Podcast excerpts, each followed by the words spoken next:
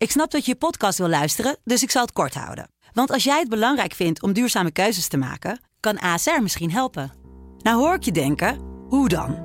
Nou, bijvoorbeeld bij het duurzaam herstellen van schade. Of de premies die we beleggen volgens ons duurzaam beleggingsbeleid. Dat bepaalt waar we wel en juist niet in investeren. Wil je meer weten over welke duurzame keuzes ASR maakt? Ga dan naar asr.nl slash duurzame keuzes. ASR doet het. Zo, dan kan je nu lekker naar je podcast luisteren.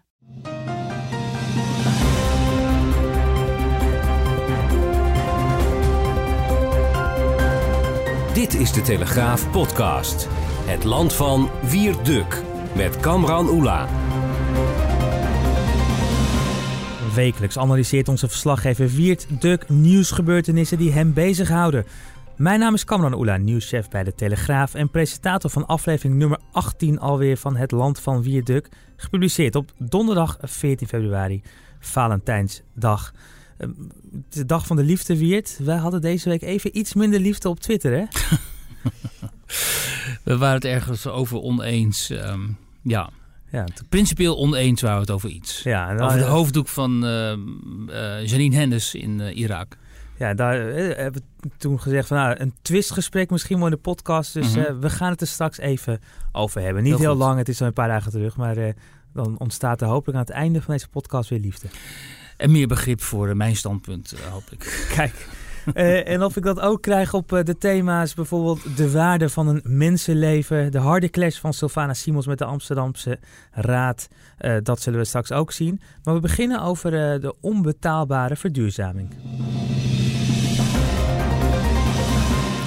In je wekelijkse rubriek in Nederland in de Telegraaf, elke donderdag dus hè, op de site ook te zien, maar ook in de krant. Ehm, spreek je deze week met een man die over zichzelf zegt: Ik ben een armoedzaaier met een eigen woning. En hij Mhm. maakt zich grote zorgen.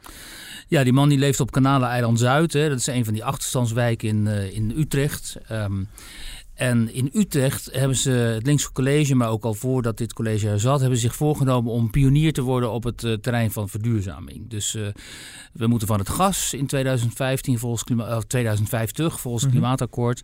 En eh, Utrecht wil dat zo snel mogelijk realiseren. Daarvoor hebben ze een, de, de wijk Overvecht aangewezen als pionierwijk. Ehm, eh, maar vanuit de andere wijken, die ook in aanmerking zullen komen voor die eh, overgang, die transitie naar duurzame energie. eh, daar kijken ze met argusogen naar wat er in Overvecht gaande is. En vooral zijn ze heel bang door verhalen over de enorme kosten die burgers moeten gaan ophoesten. Om bijvoorbeeld warmtepompen aan te schaffen of hun woningen hè, te, isoleren enzovoort enzovoort. Al die kosten die erbij komen kijken. En eh, deze man die, heeft dus een, in, die woont in een flatgebouw boven een winkelcentrum, Vasco da Gama. Ehm, en dat is eigenlijk een... ehm, ja, als je daar aankomt s'avonds, ik heb hem s'avonds geïnterviewd in het donker, dan is het een best eh, hè, wat. eh, nou, ehm, de nageestige sfeer die hangt daar wel. Er is heel veel zwerfvuil op straat. En allemaal van die karretjes van de Lidl die daar wat hangen en zo, die niet worden opgeruimd. En die flat is ook niet in goede staat. Die van hem wel, want hij is daar de eigenaar van. Maar verder is die, die flat natuurlijk niet in eh, goede staat. En hij vertelt dan, eh, kijk eens hier, er is enorm veel overlast hier van hangjongeren. Mhm. Een paar jaar geleden is nog een kapper daar een aantal van die jongeren te lijf gegaan met een schaar, omdat die dagelijks getreiterd werd.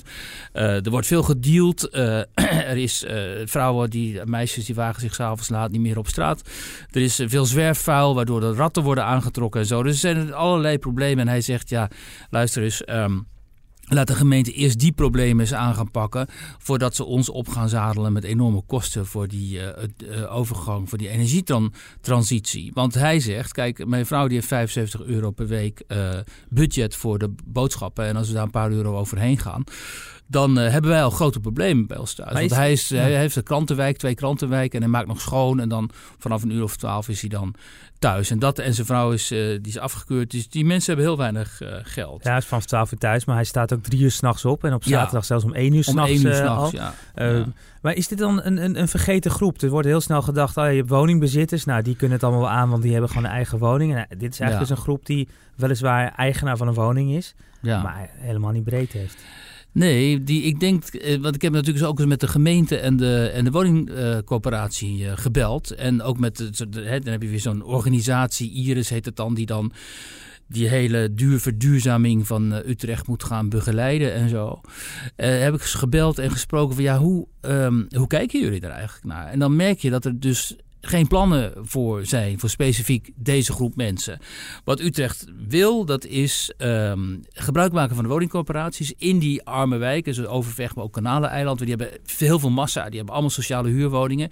En dan kunnen die corporaties kunnen die sociale huurwoningen dan gaan opknappen en tegelijkertijd ook zorgen dat ze van het gas afkomen. Of in ieder geval verduurzamen. Maar je hebt ook gemengd bezit. Dus je hebt van die flats, weet je wel, zes hoog, tien hoog, waar niet alleen uh, huur, uh, gehuurd wordt, maar dus ook mensen zoals deze meneer uh, eigen woning hebben. Die hebben ze ooit gekocht voor anderhalve ton of 130.000 euro of zo. Hè, met een klein budget. Hij heeft ook hulp gekregen van zijn ouders en zo. En die mensen hebben helemaal geen spaargeld. Maar die wordt uh, wel zo meteen opgeschreven met die warmtepomp die ze moeten aanschaffen tussen de 10 en de 20, 30.000 euro misschien wel. En andere, uh, uh, andere zaken die ze moeten gaan wijzigen aan hun huis. En, en bij die mensen slaan de zorgen toe. Mm. En het, en het, um, het, het um, nare is dat vanuit de gemeente wordt gezegd en ook vanuit de woningbouwvereniging trouwens. Van joh, um, de informatie die wij verschaffen is zo ingewikkeld. En de techniek is er vaak nog niet eens. In de loop der tijd dat wij hiermee bezig zijn, gaan nieuwe technieken ontwikkeld worden uh, waarmee wij gaan werken. Dat wij die mensen, om te voorkomen dat zij uh, al te onrustig worden, eerst nog maar geen informatie uh, geven. Want we weten zelf nog niet precies welke informatie. BoEx geloof ik, hè? Die, ja, die, erkent het ook. Hè? Die erkent dat. BoEx die erkent, we, we, dit is een verschrikkelijk lastig probleem. Omdat, kijk, in dit geval had ik nog te maken met een autochtone manier. Maar je hebt ook heel veel allochtonen, ook oudere allochtonen in die sociale huurwoningen. Um, die vaak helemaal geen Nederlands kunnen. Althans, kijk, ik heb die folders en die prospectussen is doorgenomen. Nou, ik begrijp er al de helft niet van. Dat zijn allemaal hele technische termen en zo. En dan ga je dus een, een ouder Marokkaanse of Turks echtpaar met dat soort folders bestoken. Die daar niets van begrijpen. En ook hun kinderen die dat dan vaak vertalen, die gaan het ook niet begrijpen. Het enige wat die mensen zien is, jullie moeten binnenkort drie tot vier weken op een logeeradres gaan zitten. Zodat ergens, wij het huis uh, kunnen ombouwen. Zodat wij jullie huis kunnen ombouwen. Want je moet van het gas af. Terwijl die mensen die koken op gas, weet je wel, dat is voor hun leven ook. Hè? En die denken, hoezo moeten wij van het gas af? Is het dan vies of zo? En waarom moeten wij drie, vier weken in een, op een logeeradres gaan zitten? Terwijl dit, dit is onze, onze microcosmos hier in deze wijk. Dus die raken, vooral die, die, die vrouwen, hè, want mhm. die zitten natuurlijk vaak met meesten thuis en hè, met de buurvrouwen en zo. Die raken helemaal in paniek. Dus het interessante is dat je hier een enorme clash hebt tussen een gedroomde toekomst van de GroenLinks-achtige uh, klimaatactivisten. Hè? En de, een hele keiharde alledaagse werkelijkheid van deze mensen die met iets worden geconfronteerd waarvan ze totaal niet kunnen overzien wat, wat, wat dat betekent, wat er op hen afkomt en die in totale paniek raken. Hm. En dan heb je dus weer die, zeg maar, die onderklasse, hè, want daar gaat het hier over, de hele kwetsbare groep mensen die zo geraakt wordt door die speeltjes van zeg maar de GroenLinkse uh, nou ja, bestuurders. Hm die vinden dat dit maar allemaal moet worden opgebracht. Maar er wordt dus eigenlijk gewoon niet geluisterd uh, en, en, en, uh, naar deze onderklas, naar deze mensen. Tenminste, ze voelen zich in ieder geval niet, niet gehoord. En er wordt alsof er gewoon een soort... Het uh, overkomt, overkomt hen. Ja, het overkomt hen echt. En ik merkte zelfs ook heel sterk bij die woordvoerders van de woningcorporatie. Hè, die mensen die kennen die groepen waarmee ze te maken hebben. Die hebben al decennia met die groepen te maken merkte ik heel sterk, want ze gaf ook echt hele goede quotes. Uh, ik merkte heel sterk dat zij er ook enorm mee in hun maag zitten. Die, zij zegt ook van ja, uh, het zou je maar overkomen. Je hebt al allemaal sociale, financiële zorgen en dan komt dit er nog overheen. Ik kan me heel goed voorstellen dat dit uh, heel moeilijk is. En hier zie je dus echt twee werelden ja.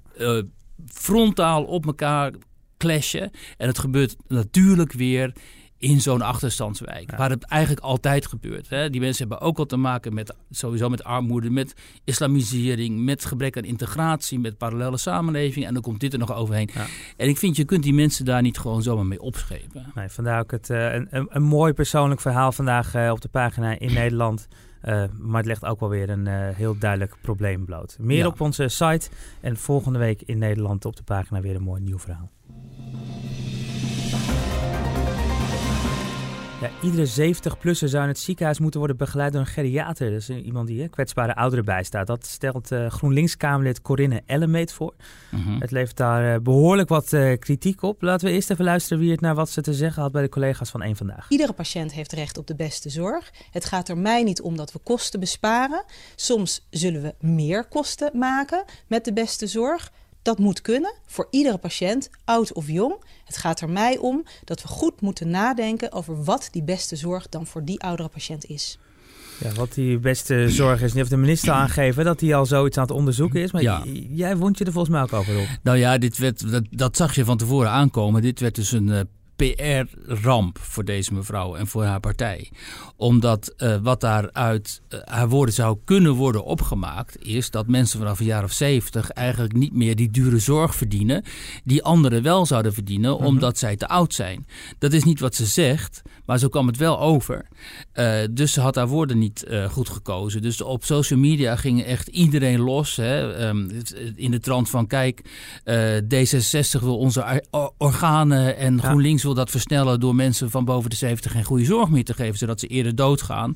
Of andere mensen die zeggen we moeten werken tot ons 70ste en daarna krijgen we geen zorg meer als het aan GroenLinks ligt. Dus, uh, hè, en dan wordt er gesproken over genocide op bejaarden en zo. En, uh, maar ook echt heel erg veel mensen zag je uh, dit standpunt um, innemen. Terwijl wat zij eigenlijk wil, voor zover ik dat begrijp, is dat oudere mensen bespaard blijven van ingrepen die hen die ook kostbaar kunnen zijn, maar ook die heel inventief kunnen, hè, in, in, in, intensief kunnen zijn. Is eigenlijk een soort van te veel zorg is dat, hè? Wordt, wordt dan een beetje gezegd. Ja, uh. precies. Dus dat ze uh, dat er te veel zorg, uh, omdat artsen natuurlijk, hè, en ik, ik, kan wel uit ervaring spreken, mijn ouders die, die zijn uh, tamelijk oud geworden, maar uiteindelijk overleden. En in die laatste jaren zie je, zie je precies wat de statistieken uitwijzen. Namelijk dat mensen op die hoge leeftijd heel veel zorg nodig hebben. Hè. Dan wordt er enorme aanslag gepleegd op de zorg.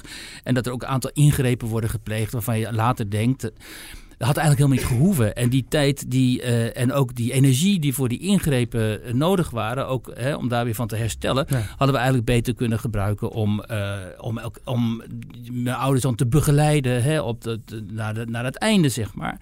En ik denk dat zij dat, dit bedoelden. Ja.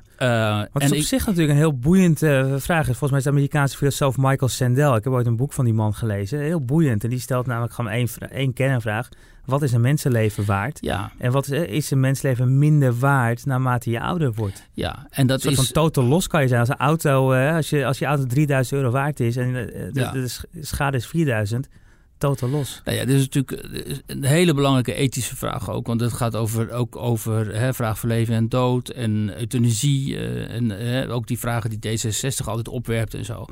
En waar je ontzettend, hele precaire vragen ook, waar je heel, heel voorzichtig mee om moet gaan. En, maar ik begrijp wel dat artsen zijn getraind om op te treden. Artsen zijn getraind om in te grijpen. En als ze nog iets kunnen doen, dan zullen ze dat doen. Ook al kost het heel veel geld. Terwijl uh, dat uh, vaak op hoge leeftijd eigenlijk helemaal geen, um, geen levenskwaliteit meer brengt en niet verzekert. Um, uh, dus ik snap wel dat. Ik snap het voorstel wel. En ik, maar ik vond het interessant te zien hoe dat onmiddellijk geframed werd. Ja. Ook omdat het uit de koker van GroenLinks komt natuurlijk. Hè, en hoe mensen daar dan enorm op uh, losgingen.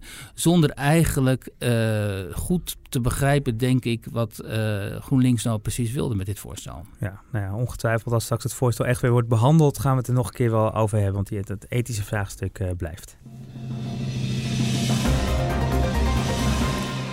Dan een bijzonder moment deze week in de Amsterdamse Raad. Uh, bijna de hele raad die het met elkaar eens is. Ja. Uh, dat, dat krijgen we niet vaak voorgeschot nee. in de hoofdstad hier. En maar wie krijgt het voor elkaar? ja, wie krijgt het voor elkaar? Dat is dat, dat, dat ene raad dat het dan weer niet met uh, mee eens is. Sylvana Simons, de fractievoorzitter van Bijeen.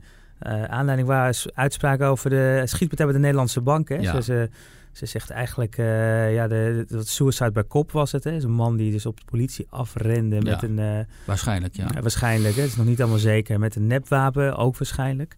Um, en, uh, en Sylvana had iets gezegd dat het te veel politiegeweld was gebruikt. Buitensporig geweld door de precies. politie, ja. Laten we eerst even luisteren. Het is wel een langer fragment dan, okay. dan normaal. Laten we even luisteren hoe het inderdaad aan toe ging. U hoort straks eerst Sylvana Simons, dan de VVD-fractievoorzitter Erik van den Burg en tot slot GroenLinks-fractievoorzitter Femke Roosma. Ik heb vragen en die stel ik.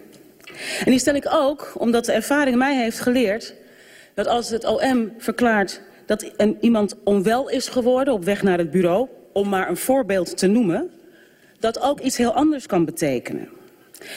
Dit nieuws leeft heel erg onder de mensen die ik spreek. Jongeren, en met name jongeren van kleur, die schrikken hiervan. Ja, zou mevrouw Simons kunnen uitleggen wat ze bedoelt met... ik weet dat als het Openbaar Ministerie zegt dat iemand op weg naar het bureau onwel is geworden...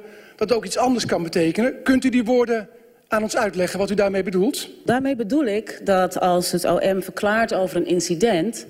ik reden heb om in ieder geval die uh, niet meteen helemaal klakkeloos aan te nemen. Ja, voorzitter, want ik zit eigenlijk met, met, met stijgend ongemak hier uh, in deze zaal... dat wij eigenlijk dit, en dat u eigenlijk ook dit debat nog zo op deze manier voortzet omdat uiteindelijk... Ja, maar u, u, doet nu ook een suggestie over het OM... terwijl wij praten over een verschrikkelijk incident...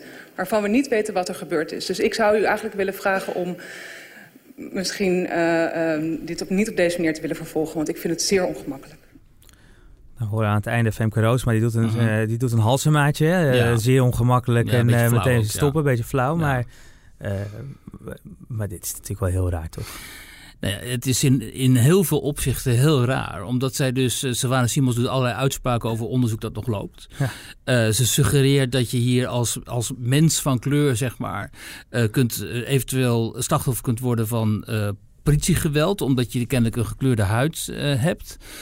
Um, ja, dat is totaal ongepast natuurlijk. Um, en je merkt ook aan de reacties. Was hier ook geen sprake van in deze zaak? Nee, daar was niet eens sprake kennen, van. Nee. Dus, um, dus, dus er zit ook nog feitelijk fout. Uh, en de suggesties die zij doet, die zijn natuurlijk extreem giftig. Ja. En polariserend en, en, en splijtend voor de Amsterdamse samenleving. Dus het was wel heel goed, vind ik, dat die hele raad daar dan zo opspringt en zegt: ja, maar dit, dit kun je helemaal niet. Dit kan niet. Het is een beetje vergelijkbaar wat met Usturk uh, laatst deed in de Tweede Kamer van Denk. Die begon een PVV en Magiel de Graaf uh, te, te, zomaar te, te belasteren. Terwijl he, die dat zou gefraudeerd hebben en zo, waar kennelijk helemaal geen sprake van was. En wat je ziet dus, is dat je met, he, als je zeg maar de, de, de sentiment van de straat, en kennelijk vertegenwoordigt Sylvana Simons ook een soort sentiment van een bepaald gedeelte op de straat, net zoals Usturk dat doet. Uh, als je dat binnen die um, parlementen haalt en binnen die gemeenteraden, dat is op zichzelf wel oké, omdat je hebt het liever in zo'n parlement, zo'n volksvertegenwoordiging dan naar buiten. Maar ja, je krijgt dus dit, ook dit soort excessen. En, um, maar het, het, het, bizarre is, ben ik benieuwd hoe, hoe jij ernaar kijkt en waar dat van vandaan zou komen. Kijk, dit zijn partijen die zijn opgekomen door kritiek met name op partijen als PVV hè, en ja. Vol voor Democratie. Want die zouden alleen maar polariseren. maar die het, zouden, ja. maar ze doen aan de andere kant hetzelfde. Dat is toch heel raar? Nou ja, ze doen het bijna veel extremer. Want uh, ook een partijgenoot van haar, uh, van Bijeen, die stond er op de Dam, er was een filmpje van, op de Dam tegen een Joodse meneer te, te brullen dat hij een Zionist is. Ja. En, uh, en dat zij het Palestijnse volk onderdrukken en hij weigerde die man de hand te schudden en zo. En ze waren met een groepje en echt heel erg intimiderend, mm -hmm. heel naar om te zien. Ja. ja, en dat zit dan bij Sylvana Simons in de, in de partij. Nu is die partij gelukkig stelt helemaal niks voor. En de anderen dan Sylvana Simons hebben ook nauwelijks stemmen gekregen. En zij heeft ook maar een heel klein aantal stemmen gekregen, geloof ik.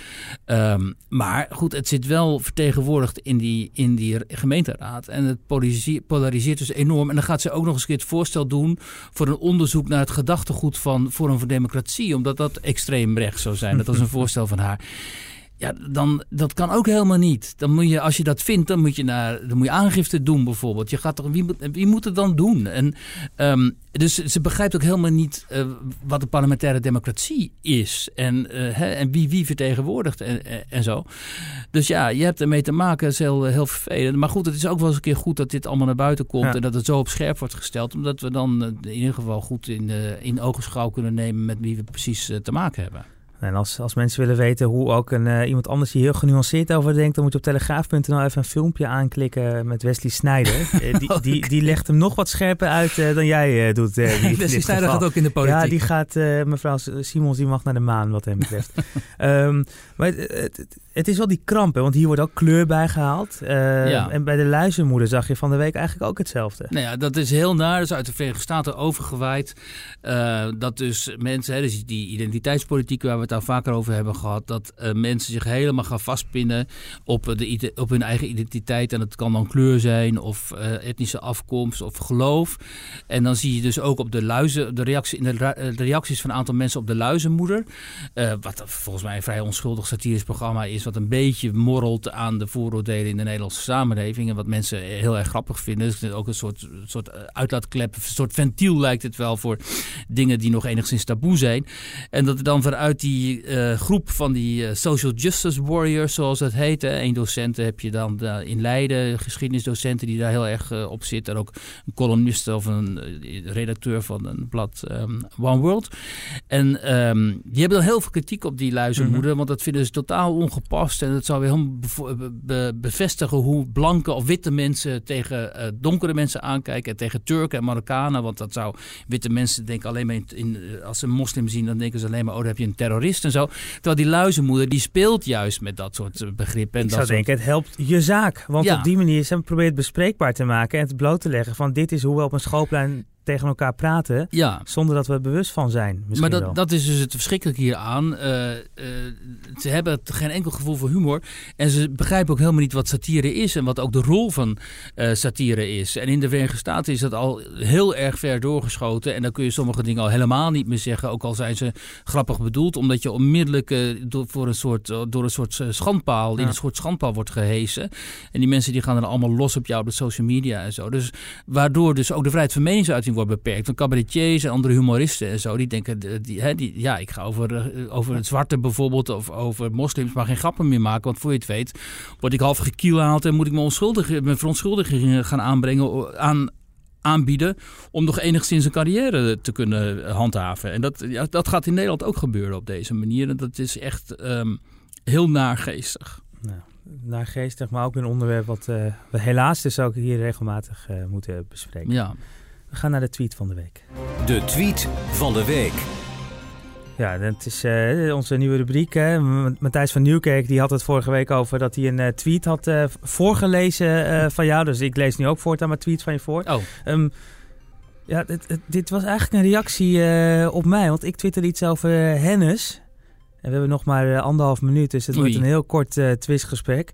Ze had kunnen volstaan, twitter jij, met de hoofddoek en bedekkende kleding. Dit is een gimar, die staat voor aanbidding. Als een zeer religieuze moslim maar dit al merkwaardig vindt, wie ben ik dan om dit tegen te spreken? Ja. Nou, leg me nog eens in dan in 30 seconden uit waarom het zo stuitend is dat Janine Hennis zo'n hoofddoek droeg. nou ja, Janine Hennis, onze voormalige minister van Defensie, die ging bij een eh, Iraanse of Sjiitische geestelijke Ja. groot ayatollah op, eh, op bezoek. Sistani. En ja. eh, Al-Sistani. En zij kleden zich in een heel erg bedekkend uh, gewaad. De gimar. En dat is eh, nog een paar stappen verder dan gewoon hoofddoek en zo. Eh, want dat is volgens protocol daar dan eh, verplicht. Eh, nou, eh, het resultaat is dan niet in mijn ogen dat eh, zij dan kan zeggen: Kijk eens, ik, ik doe dit omdat ik de- diplomatiek heel veel voor elkaar ka- kan krijgen. Het resultaat is volgens mij dat je foto's krijgt van een westerse, blonde westerse vrouw. Die zich totaal onderwerpt aan dit eh, soort geestelijk eh, leiderschap van, binnen de islam. Eh, en het signaal afgeeft aan anderhalf miljard moslims. die ook helemaal niet weten wie die Janine Hen- Hennis is en zo. dat je, als je met dat soort ma- mannen te, maken hebt. dat je dan als vrouw onderwerpt aan hun eisen. Dus dat is een heel slecht signaal. Kijk, en als zij werkelijk gezag zou hebben als afgezant van de Verenigde Naties.